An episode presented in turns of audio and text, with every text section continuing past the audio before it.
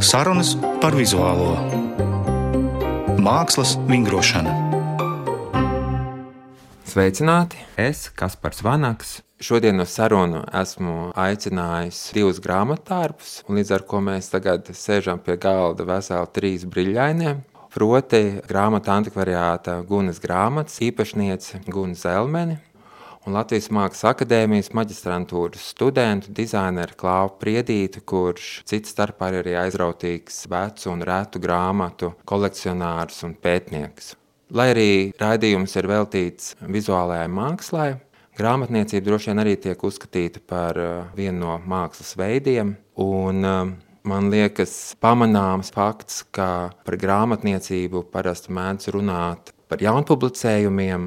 Balvas kā zelta ābele tiek piešķirtas ik pa gadu, bet kas notiek ar grāmatām gadu, dekādi vai gadsimtu vēlāk, par to mēs parasti runājam ārkārtīgi maz. Un tur šajā laika gaitā vērtības, skatījums uz grāmatām radikāli mainās. Mēs uz vecu grāmatu skatāmies pavisam citādāk nekā uz jaunu un kā šīs vērtību skala, kā skatījums mainās. Un kādas tur ir līdzības ar to, kā mēs raugamies uz mākslas darbiem un kā mēs raugamies uz grāmatām, par to es ārkārtīgi gribēju ar jums parunāt. Man jāsaka, godīgi, ka es biblioteku vairāk esmu mantojis nekā pats veidojis. Un tādēļ man ir ārkārtīgi interese par tiem cilvēkiem, kas tiešām pārzina šo virtuvi. Varbūt atspērienu punktam mēs varētu izraudzīties jēdzienu, kurš tagad ir daudz lietots, proti, mediju pratība. Mēs kā ārkārtīgi gribam zināt, kā tiek ražotas fake news, vai kā darbojas sociālie tīkli, baumas, kā šķirt īstās ziņas no neīstajām. Bet tajā pašā laikā grāmata kā vecais medijs mums liekas absolūti pašsaprotams un skaidrs, kas būtībā ir maldi.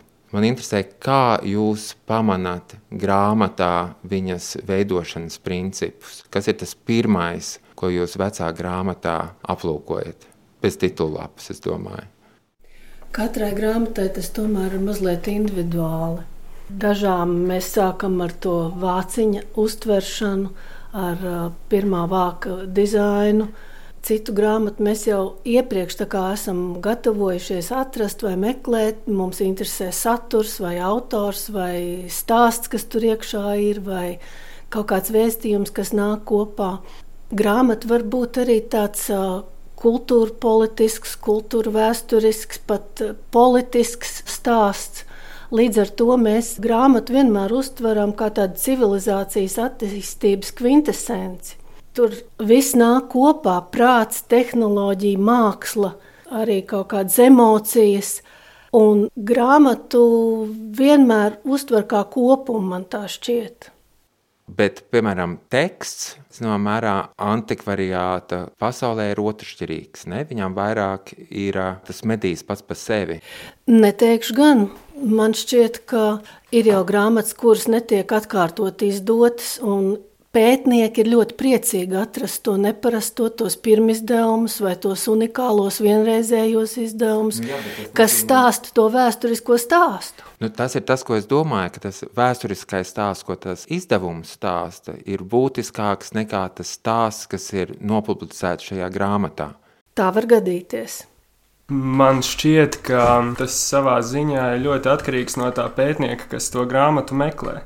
Jo es, piemēram, esmu dizainers, un tas paredz uzreiz, ka es skatos uz lietām ar nedaudz citu skatu punktu. Es paņemu vēsturisko grāmatu un tiešām skatos tās trīsdimensionālās kvalitātes, to sējumu, kāds sējums atverās vai neatverās, lapas, cik viņas ir biezas. Kāds burtveidols ir izmantots, kādas ir ilustrācijas, vai tās ir viņietes, vai tās ir ilustrācijas, kāda tehnika, Un visi šie lielumi saslēdzas kopā, un no sākuma es, piemēram, skatos uz grāmatu kā tādu vizuālu vēstošu darbu, kurš runā un arī multimediālu. Respektīvi, tur ir sākot ar tausti, ar vizualitāti. Vecai grāmatai ir, ir sava smaka vai aroms. Ja? Jā, pilnīgi noteikti. Tas ir kaut kādā ziņā tas šarmējums un tā romāns vecām grāmatām. Jo mūsdienās ir, protams, tā tipogrāfijas smarža, bet viss ir bieži digitālajā drukā. un tur nav tā tekstūra grāmatai. Jo vēsturiski, kā viņa tiek veidota ar eh, burbuļu iespiešanu, tad eh, veidojas nu, kaut kāds reliefs arī tajās lapās un tajā tekstā pašā, kas bieži vien mūsdienās pazūd. Tāpēc iespējams tā vilkme pēc vecām grāmatām. Reliefs ļoti bieži grāmatā spēlē nozīmīgu lomu. Īpaši tas arī par vākiem ir stāstāms. Grāmatā ir taktīlā nozīme arī tāda pirkstu galos tā sajūta, ka tu esi paņēmis kādu veidu papīrs tam visam ir. Vai tā ir āda vāciņā, vai tas ir gluds vai matēts. Tas viss ir ar daudz maņām. Grāmata mūsos ieiet cauri visiem pieciem maņu orgāniem. Plus es vēl skatos arī pat tik pragmatiskas lietas, kā cik plata ir eh, rindiņa ar eh, vārdiem un tekstu. Mūsdienās tas standarts ir 66 zīmes, ir labai lasāmībai un jābūt arī pietiekami lielām atstarpēm starp rindiņām. Un tādas lietas es novērtēju, ja es ieraugu, piemēram, vecā grāmatā, jo bieži vien mūsdienās, kad uh, ir tas patērētāja kults un viss ir cenā bāzēts, tad uh, mēs saspiežam tos tekstus, viņi kļūst nelasāmi mūsdienu grāmatās arī. Bet, uh, tad, kad es uzduros tādai veclaicīgai grāmatai, kur ir ievēroti šie labie principi grāmatu izdevniecības, nu, tā ir bauda savā ziņā. Tā apziņa par to taktīlo vai to faktūru, vai viņa ir pastāvējusi vienmēr? Jo, pieņemsim, mākslas vēsturē viens no tādiem atslēgas figūrām ir Kručoniks, krievu futūrists, kurām bija manifesta uh, faktūra slova. Uh, kur viņš runāja par to, ka vārdiem var būt rūkuma garša vai baudkaisles sajūta, var rosināt vai tā tālāk. Un tas ir atkarīgs piemēram, no burtu lieluma, no krāsas, vai tas burts ir zīmēts ar roku vai iespiests. Šī attieksme pret multimediāliem aspektiem grāmatas, ap kuru laiku tas parādās grāmatniecības vēsturē. Es gribētu teikt, tas ir no pirmās grāmatas dienas Ja grāmata tiek iesieta, piemēram, mādas vākā, tad jau tā sajūta ir pilnīgi cita nekā viņa ir koka vāciņā ielikt. Ja? Tātad tur jau ir kaut kāds apzināts ceļš, kāpēc tas grāmatas iekārtotājs tā ir darījis. Un um, rokrakstījums vai litogrāfija vienmēr ir atšķirīga. Tas ļauj arī atšķirt mums, no kuriem laikiem grāmata ir nākusi šīs visas faktūras un taktīlās sajūtas ļauj jau dot primāro sajūtu, kur gadsimta vai kura mākslinieka gatavota grāmata tā ir. Acīm varētu pateikt, kas iedod. Nu, es neuzņemtos tādu godu, bet es domāju, ka kāds varētu, ja viņš pastiprināti piestrādā pie tā. Tas ir par individuālajām grāmatām, tā sakot, jeb atsevišķo grāmatu sējumu, bet kas notiek ar grāmatu kopumiem? Kā jūs redzat atšķirības starp grāmatām kā privātu biblioteku, grāmatu kopumu un grāmatu kā kolekciju? Man liekas, ka biblioteka tās ir savā ziņā visas grāmatas, kas kādam pieder, ko tas cilvēks ir atzīts par labām. Esam. Kolekcija tā jau ir tāda īpaša, izraudzīta grāmatu izlase, labākās no labākajām, kas stāsta par kādām noteiktām parādībām vai noteiktām tēmām, un kuras šis cilvēks pēta. Biblioteka lieto kā funkcionālu lietu. Šodien man kaut ko vajag, man tas patīk, un es ņemu no sava grāmatu plaukta. Tas ir apmēram līdzīgi, kā manā dārzā aug daudz ābeļu. Šodien es sēdīšu Antonovkas, un rītā es sēdīšu pepiņu vai rožābolu. Tā ir ar biblioteku, bet kolekcija ir mērķtiecīgi organizēta un pamatā pilda to funkciju, kam vākta un kam gatavota. Tātad konkrētas personas vai personu grupas ieplānota un tāda kā specifiski savākta. Kolekcija ir vākums, biblioteka ir daļai tāds sagadīšanās. Un, ja mēs runājam pieņasim, par mūsu vecāku paudzes bibliotekām, tad to sagadīšanās būtībā nebija sagadīšanās. Viņi bija vairāk saistīti ar to, ko varēja dabūt, kas tika tulkots un kas pēc statusa tev tādā gadījumā bija jāpērk. Nekā jau īpaši daudz cita, ko bez grāmatām, kuras arī nemaz tik viegli nebija dabūt nopirkt nevarēja. Līdz ar to man liekas, ka mūsu vecāku paudze raksturo milzīgas bibliotekas mājās. Kā mēs viņas novērtējam, kāds ir viņu status šobrīd, vai, piemēram, biblioteka, ar kuru mēs esam uzauguši bērnībā, kad mums nāks viņai iet cauri vēlāk, mēs viņā pamanām dīvainu līdzību ar mūsu draugu vecāku bibliotekām. Kādas ir tās sajūtas, kas tur mainās, ka pēkšņi tās acis atverās un ka tu apjaut kaut kādus citus aspektus bibliotekā, kurā tu esi uzaudzis? Man ir ļoti paveicies, jo man grāmata nekad nebija deficīta prece. Un, eh, Ar to es nedomāju tikai padomju laika standarta krājums. Es uzaugu kaut kādā ziņā vidē, kurā bija saglabājušās arī grāmatas no pirmās Latvijas brīvvalsts laikiem. Tāpēc es varēju būt arī par liecinieku nu, šāda tipa grāmatām. Protams, tā skatoties, tie padomju laika standarta krājumi, tajos es redzu mazāku vērtību, jo viņi ir taisīti ar eh, ļoti lielu tirāžu. Bet, eh, kā man arī Guna ir iemācījusi, pamanīt arī šādās grāmatās vērtību, jo bieži vien, eh, piemēram, šīs grāmatas tika oriģināli daudzas izdotas ar supervākiem, bet laika gaitā cilvēki no šiem supervākiem ir atbrīvojušies. Tā, tā, tā kas ir supervāks? Angliski to sauc dust jacket. Tāds metālīts ap vāciņu, jā, jā, jā. Ja, kas aizsargā papildus. Un viņi ir parasti ļoti mākslinieciski veidot, labi dizainēti. Viņiem ir pieaicināts speciāls mākslinieks. Tā ir tāda maza reklāma klāt pie pašas grāmatas. Paskatieties uz 60. gadu smalko stilu. Tā laika grāmatām ir ļoti izteiksmīgi supervāki. Man to bibliotekas vērtību palīdzēja ieraudzīt arī ģimene, kas vienmēr ir akcentējusi stāstus par grāmatām. Manā ģimenē, piemēram, ir stāsts par Bībeli. Ļoti paredzami, protams, tā ir Bībele, kas ir ķelnē izdota 1877. gadā, kas ir ceļojusi no mana vectēva vecmāmas un tiek pārmantota paudzes paudzē. Un jau kopš bērnības man stāsti ir stāstīti par šīm grāmatām. Un uh, caur tiem es esmu iepazinis nu, to grāmatu vērtību, kas sniedzas pāri padomu laiku bibliotekai, kuru mēs bieži uzskatām nu, kā kaut kādu nevēlamu interjeru accessoāru, jo viņai pa virsmu nāk tā padomu ideoloģija, smaka. Un tad cilvēki mūsdienās mēģina atbrīvoties no viņas, un tad es esmu pārorientējies vairāk uz laiku pirms šī laika. Mani interesē tie cilvēki, kas pārorientējās vai kaut kā specifiski izvēlās kaut kādu savu īpatno pieejamību kolekciju veidošanai. Kas tie ir par cilvēkiem? Man vienmēr ir fascinējis, piemēram, Čāriņkros rajonā, ieiet grāmatu antikvariātos un vērot šos tipiskos regulāros pircējus. Kas ir cilvēki, kas nāk uz gunas grāmatām? Visdažādākie. Tur nāk visdažādākie. Bet um, es pat gribētu teikt, ka kolekcionāri ir mazākā daļa starp viņiem. Bet, nu, neatkarīgi no tā, parasti kolekcija rodas kaut kādā saistībā ar tā cilvēka iekšējām situācijām, kaut kādiem notikumiem, vai mērķiem, vai darbu, vai kaut kādiem pētījumiem. Es Uzskatu, ka diezgan reti ir tā situācija, ka cilvēks no rīta pamosts un saka, ah, man paliek pāri nauda, pirkšu grāmatas, taisīšu kolekciju. Tā diez vai notiek. Visbiežāk ir kaut kāds cits impulss no citas vietas, kāpēc sākas kolekcija. Kolekcijas veidošana ir līdzīga mākslinieka darbībai.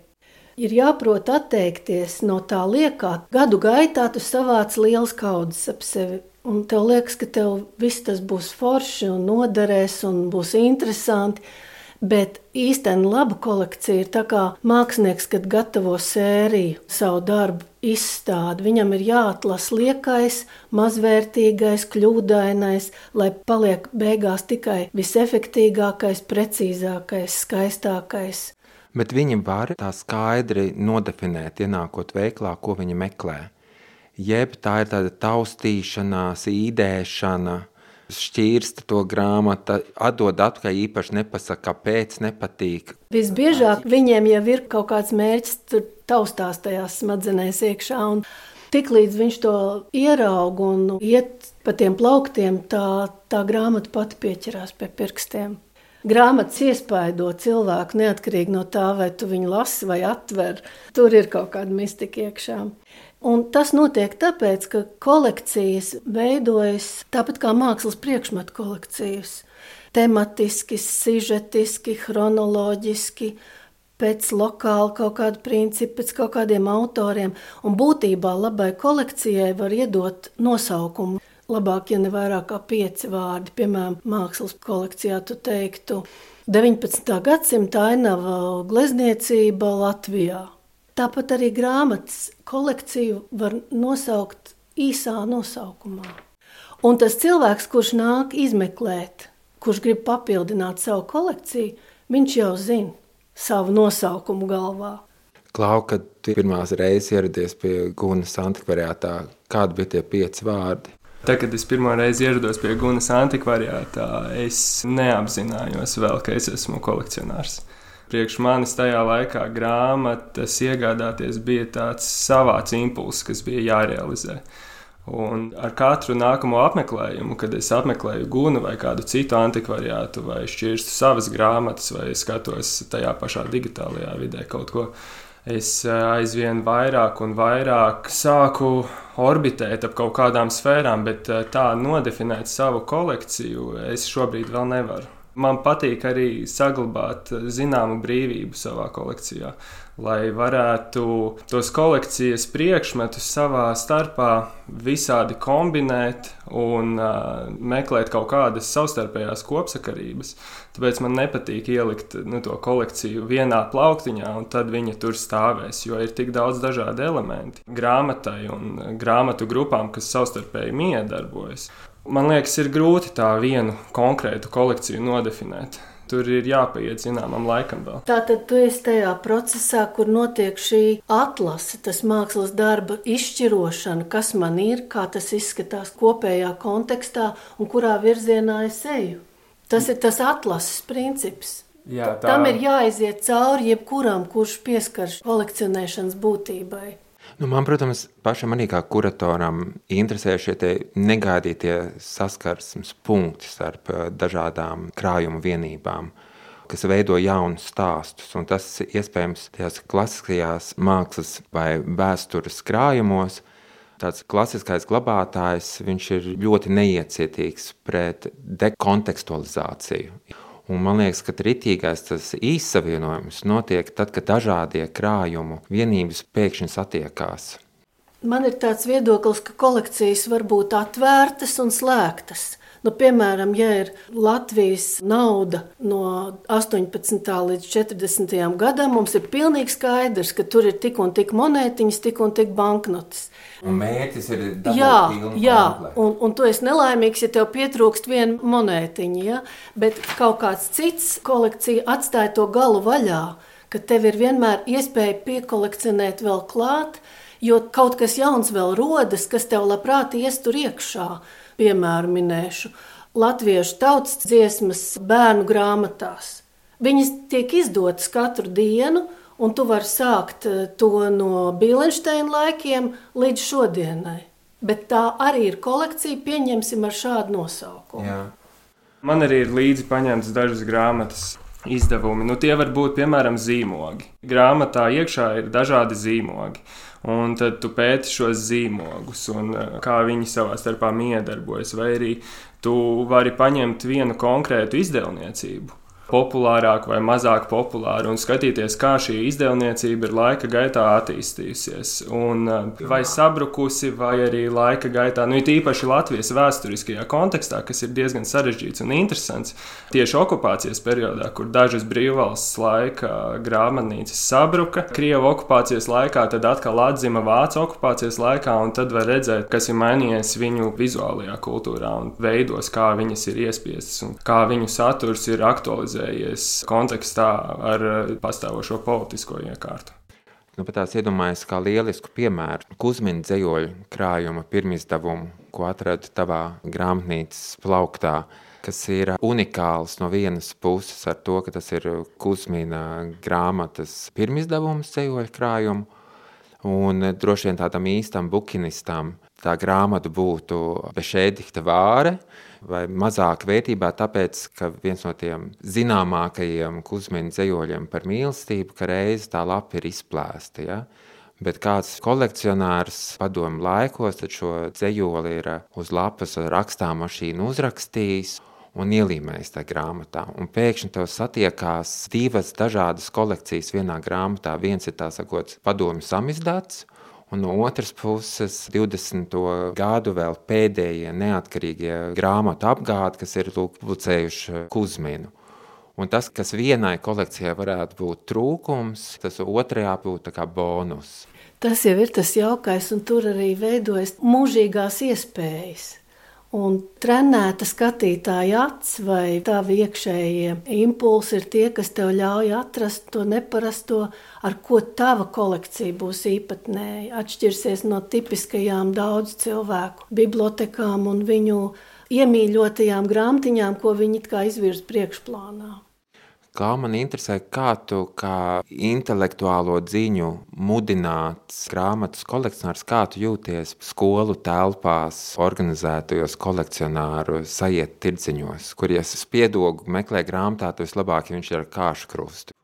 Es nezinu, jālepojas vai kauns atzīt, bet es nekad neesmu līdz šim vēl apmeklējis kolekcionāru sajietas.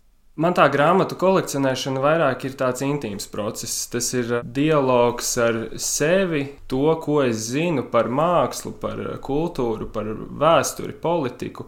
Un to, ko es spēju nolasīt no grāmatas, un, ja tieši nespēju, tad man ir prieks sameklēt tādu kā Guna cilvēku, kurš var izskaidrot jo Gunai šī pieredze ir daudz ilgāka un lielāka. Bet man tas kolekcionēšanas process ir dziļi intīms. Tāpēc man nepatīk lielas masas, kur iespējams tā grāmata ir ceļojusi no viena kolekcionāra uz citu, no viena sajiet uz citu. Man patīk atrast tieši grāmatu antikvariātā tādu vienu grāmatu, kur ir izdota konkrētā laikā. Tātad viņai ir kaut kāds tas konkrētā laika, kultūra vēsturiskais slānis, tad tur ir paraksts, kurš varbūt ir izplēsts vai sašķīkāts. Tur ir bibliotekas zīmoks, kas arī ir jau norakstīta šī grāmata, un tad viņai veidojas kaut kāds stāsts, ar ko es varu aizpildīt savu grāmatu plauktu un savu kolekciju. Mana mamma, kas piedalījās grāmatu izsolēs 80. gadu beigās, kad tas bija pēkšņi atļauts legāli. Un neatceros, kuru no kopotajiem rakstiem viņa bija nopirkusi un bija ieraudzījusi, ka tas nāk no tādas patriciešu, labi zināmas ārstu ģimenes. Un manā mamma teica, un kā viņa ir pārdevusi savas mātes biblioteku. Man interesē, Guna, kādas ir sajūtas pārņemot bibliotekas. Es pieņemu, ka tev kā antikvariāta īpašniece um, nāk saskarties, kad aicina pārņemt kādu mantotu biblioteku vai viņu vērtīt vai skatīties, kas tur ir derīgs, kas nē. Man vienmēr tas ir tāds mazliet sāpīgs process, bet galvenais es vēroju, kādi ir tie pēcteči, kas ar to nodarbojas. Var to izdarīt ļoti ētiskā veidā, un var to izdarīt apzināti, izsijājot, var to izdarīt gudri un pat zinātniski. Bet ir arī pilnīgi haotiski, vandāliski pieejami.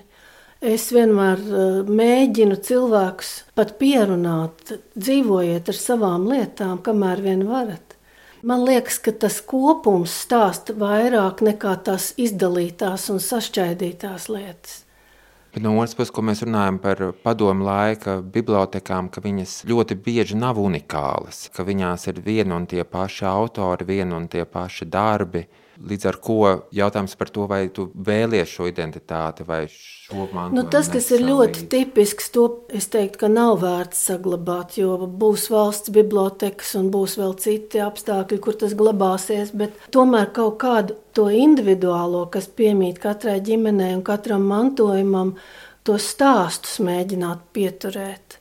Bet nu, katrā situācijā ir citi iemesli un citi rezumējumi. Nevar arī nenosodīt, ne piespiest.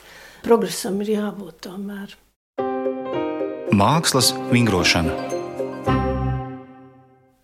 Atgādināšu, ka uz sarunu esmu aicinājis grāmatu antikvariātu Gunas grāmatas īpašnieci Gunu Zelmeni un retu vecu grāmatu kolekcionāru Klāvu Priedīti. Es labprāt pieminētu, ka tās, ko mēs ar tādu mazliet ironisku pieskaņu pieminam, tās padomlaika grāmatas, Viņās var būt daudz interesantu faktoru, kas ne katram ir vajadzīgs, bet kādam tas var būt unikāls atradums. Man, piemēram, ir gadījies būt klāt un uh, priecāties par to, ka 50. un 60. gadu bilžu albumus novērtē mākslinieks Jānis Avotiņš un viņa laiktāps klejotāji. Es esmu gandarīta, ka kaut kāda mana elpa tajā ir klāta. Kas viņu laikam interesē, ir eh, retušs fotografija. Viņu interesē, lai grāmata būtu slikti iespiesta, kas izklausās ah. absurdi. Bet viņam interesē, lai ir tā attālinātā sajūta, tā nekārtība tajā bildē, lai viņš var vēl vairāk distancēties un iegūt tikai to dvēsmu. Un tas ir ļoti interesanti, kas kuram cilvēkam ir vajadzīgs, ar kādu sajūtu viņš meklē to piepildījumu, kas viņam vajadzīgs grāmatveikalā. Man ir tāds 50. gadu mākslas albums par Treķakovskas galeriju, kur ir eh, visi vecie krievu reālisti. Un kas man patīk, ka tajās vecajās fotografijās vēl nedaudz retušu Tu nevari pateikt, vai tā ir gleznas fotografija, jeb tā ir vienkārši fotografija ar dabas ainavu. Tu nevari nolasīt vairāk to pinzeles riepienu. Tā sajūta ir fantastiska, kur tie mēdīji saplūst kopā. Klau, tev studējot mākslas akadēmijā un esot praktiķim dizainā, kur tu redzi to saskari starp grāmatu un mākslas vēsturi, un kā tas izpaužās tavā kolekcionāra kaislē? Kolekcija sastāv no kaut kādiem objektiem, un katram objektam ir atskaites punkts. Un, uh, Tajā atskaites punktā to objektu ir definējis laiks un uh, estētiskā izpratne un sabiedriskā doma, kas tajā laikā ir valdījusi. Un šeit pieslēdzas tā māksla un mākslas vēsture, un ir uh, ļoti interesanti pētīt kā tieši grāmatu grafiskajā valodā šī māksla un mākslas vēsture izpaužas. Šobrīd, kad visas stilistikas ir saplūdušas kopā, un mēs vairs nevaram tā izdalīt, ka šajā laikā tendence ir dabas formas vai grafiskās formas, tas viss notiek paralēli un mūsdienās no tā materiāla, kas ir senāk tapis, tas var kalpot kā ļoti liels iedvesmas avots. Mans mīļākais periods ir sākot no 20. un 30. gadiem līdz apmēram 50. gadiem. Tur pārklājas gan brīvvalsts, gan vācu laiks, gan krievu laiks. Un tad vienā brīdī tā grafiskā valoda priekš manis sāk kļūt nedaudz neinteresanta un ilustratīva jo man patīk vairāk formas, formu miedarbība, ka tas grāmatas iekārtojums ir tīrs un eh, runā pats par sevi, vairāk runā tā stilizācija. Tā stilizācija ārkārtīgi interesanta. Man liekas, piemērs ir eh, mēneša raksta Daugava vāks, kad tu redzi, kā viņš divu dekāžu laikā Vāks ir vienmēr viens un tas pats ir vilnītis un kāja un uzraksts Daugava. Un kā vilnīša ritmika mainās, kā Daugava no tādu jūgens stila vijumiem kļūst arvien bauhausiskāka, ja? Vienīgais, kas paliek tāds pats, ir tā nekustīgā kāja debesīs. Tā ir viens un tas pats siluets, kurš arī joprojām mēs uz ķilau vunģus redzam. Kāja paliek kāja visās paudzēs. Man gribas teikt, ka ir grāmatu dizaineri un grāmatu ilustratori. To bieži vien aizmirst, ka šī lieta dalās. Senāk bija tāds jauks vārds - grāmatas iekārtotājs. Tas, man liekas, pat izsaka vairāk nekā grāmatas dizainers. Jo tas iekārtotājs, viņš sajūt visas tās lietas, ko mēs sākumā runājām. Par visiem tiem maņu orgāniem, par to, ka grāmatai ir jābūt ērtai priekš acis, priekš rokas, ka ir jābūt tā, ka pēc grāmatas lietošanas nesāp galva. Un dizainers varbūt par to domā, ilustrators nekad par to nedomā, bet grāmatas iekārtotājiem to visu vajadzētu just. Tas ir no mākslas vēstures. Mēs zinām, ka mūsdienās ļoti daudz lemtīgā mākslā aktīvu mākslinieki maizes darbā strādā kā grāmatu dizaineri. Vai ir tādi zināmi fakti, pieņemsim, par 20. un 30. gadu māksliniekiem, kuri strādājuši ne kā ilustratori, bet kā grāmatu iekārtotāji? Vidbergu parasti piemin kā pirmo jo viņš gan ilustrēja, gan arī bija iekārtotājs. Gun, kāds bija tas ceļš, kā viens cilvēks kļūst par grāmatu antikvariāta pagalmiņā īpašnieku? Un man liekas, arī ir fantastisks skolotājs šajā, es gribētu teikt, mākslā. Nu, tas mans stāsts par grāmatu veikaliņu tapšanu ir uh, ļoti garš. Sākot no ģimenes, no draugiem jaunībā un no tā, kā es izvēlējos, kur studēt augstskolā. Tas amizantais ir tas, ka es beidzu vidusskolu un domāju, ko es gribētu darīt. Un es sapratu, ka es gribu būt starp inteliģentiem cilvēkiem klusā vietā. Kas tas ir? Tas ir muzejs. Es sāku strādāt muzejā, dabas muzejā. Un uh, aizgāju studēt grāmatniecību, filoloģiju un bibliotekas zinātnes. Kad tas beidzās, tad es 13 gadus turpināju tajā pašā muzejā.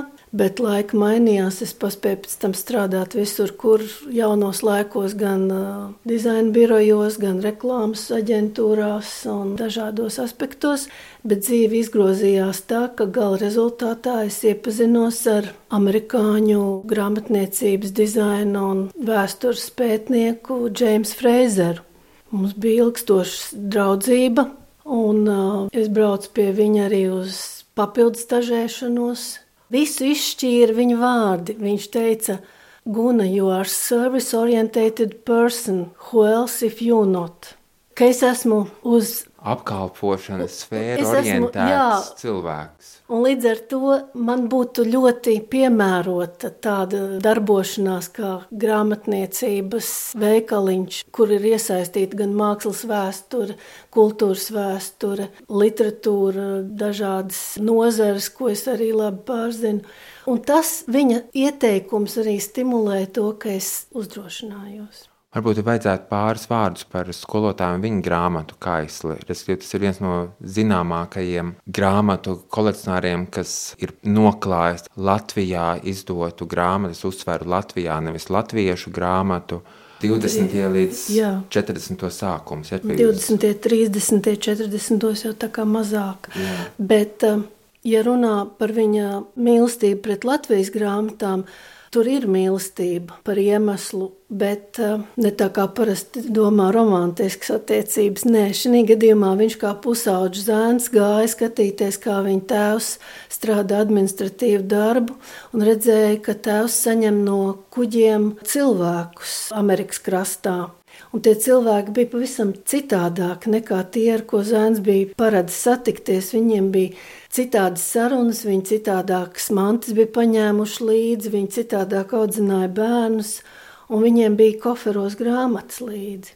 Un vēlāk, kad viņš jau studēja, viņš sāka pētīt, kas tie dīvainie baltieši tādi ir. Un izrādījās, ka tas ir kaut kāda tāla vieta otrā pasaules malā, Un viņam interesēja, kādas ir viņu grāmatas šiem dīvainiem cilvēkiem, ko viņš pusauģu gados bija sastapis. Un tad viņš 20 gadu garumā katru gadu divas reizes brauca uz Latviju un veidoja pats savu kolekciju, kas tagad atrodas Vašingtonā Kongresa bibliotekā. Klāvu, tu pieminēji, ka tev interesē arī trimdā izdotās grāmatas. Konkrēti spēles vārdu uzvārdu es noteikti nenosaukšu bet eh, tie ir izdevumi, kas bieži ir tapuši nometnēs, dīpīšu nometnēs. Tur ir saglabājies tas grafiskais iekārtojums un kultūra vēl no Latvijas laika. Tas ir interesants periods, un tad interesants periods ir uh, skatīties uz trījus grāmatām, kas ir tapušas jau tajā laikā, kad šie cilvēki, kas ir emigrējuši, nostiprinājušies uz dzīvi tur, un kā tad ir mainījusies viņu grafiskā valoda, viņu sižetiskie motīvi, kas ir pilnīgi citādāki nekā tie bija gan brīvvalsts laikā, gan arī Padomju Savienībā likumsakarīgi. Un uh, interesanti ir skatīties arī, kādas ir atšķirības trimdnieku grāmatām, jo ir atšķirības, vai grāmata ir tapusi Austrālijā, vai viņa ir tapusi Amerikā, vai viņa ir tapusi tepat uh, netālu Zviedrijā. Interesants ir arī fakts, kā šī grāmata ir atradusi ceļu tagad atpakaļ uz Latviju. Un, ja viņi ir atradusi ceļu atpakaļ uz Latviju, tad tas ir bijis tāds mērķiecīgs lēmums. Un tad nākamais jautājums, kāpēc viņi ir nonākusi antikvariātā vai otrās rokas grāmatu veikalā. Un tie ir jautājumi, jā, kas ir interesanti. Atgādināšu par saviem sarunbiedriem, Klāvu Priedītu un Gunu Zelmenu.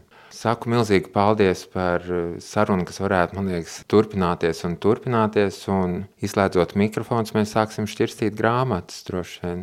Savukārt tiem, kuriem grāmatas nav par rokai, atgādināšu, ka tagad raidījums ir eh, dzirdams arī kā podkāsts. Meklējiet to Spotify, Apple podkāsts, Google podkāsts vai jūsu podkāstu aplikācijā. Raidījums tapis ar valsts kultūra kapitāla fonda atbalstu.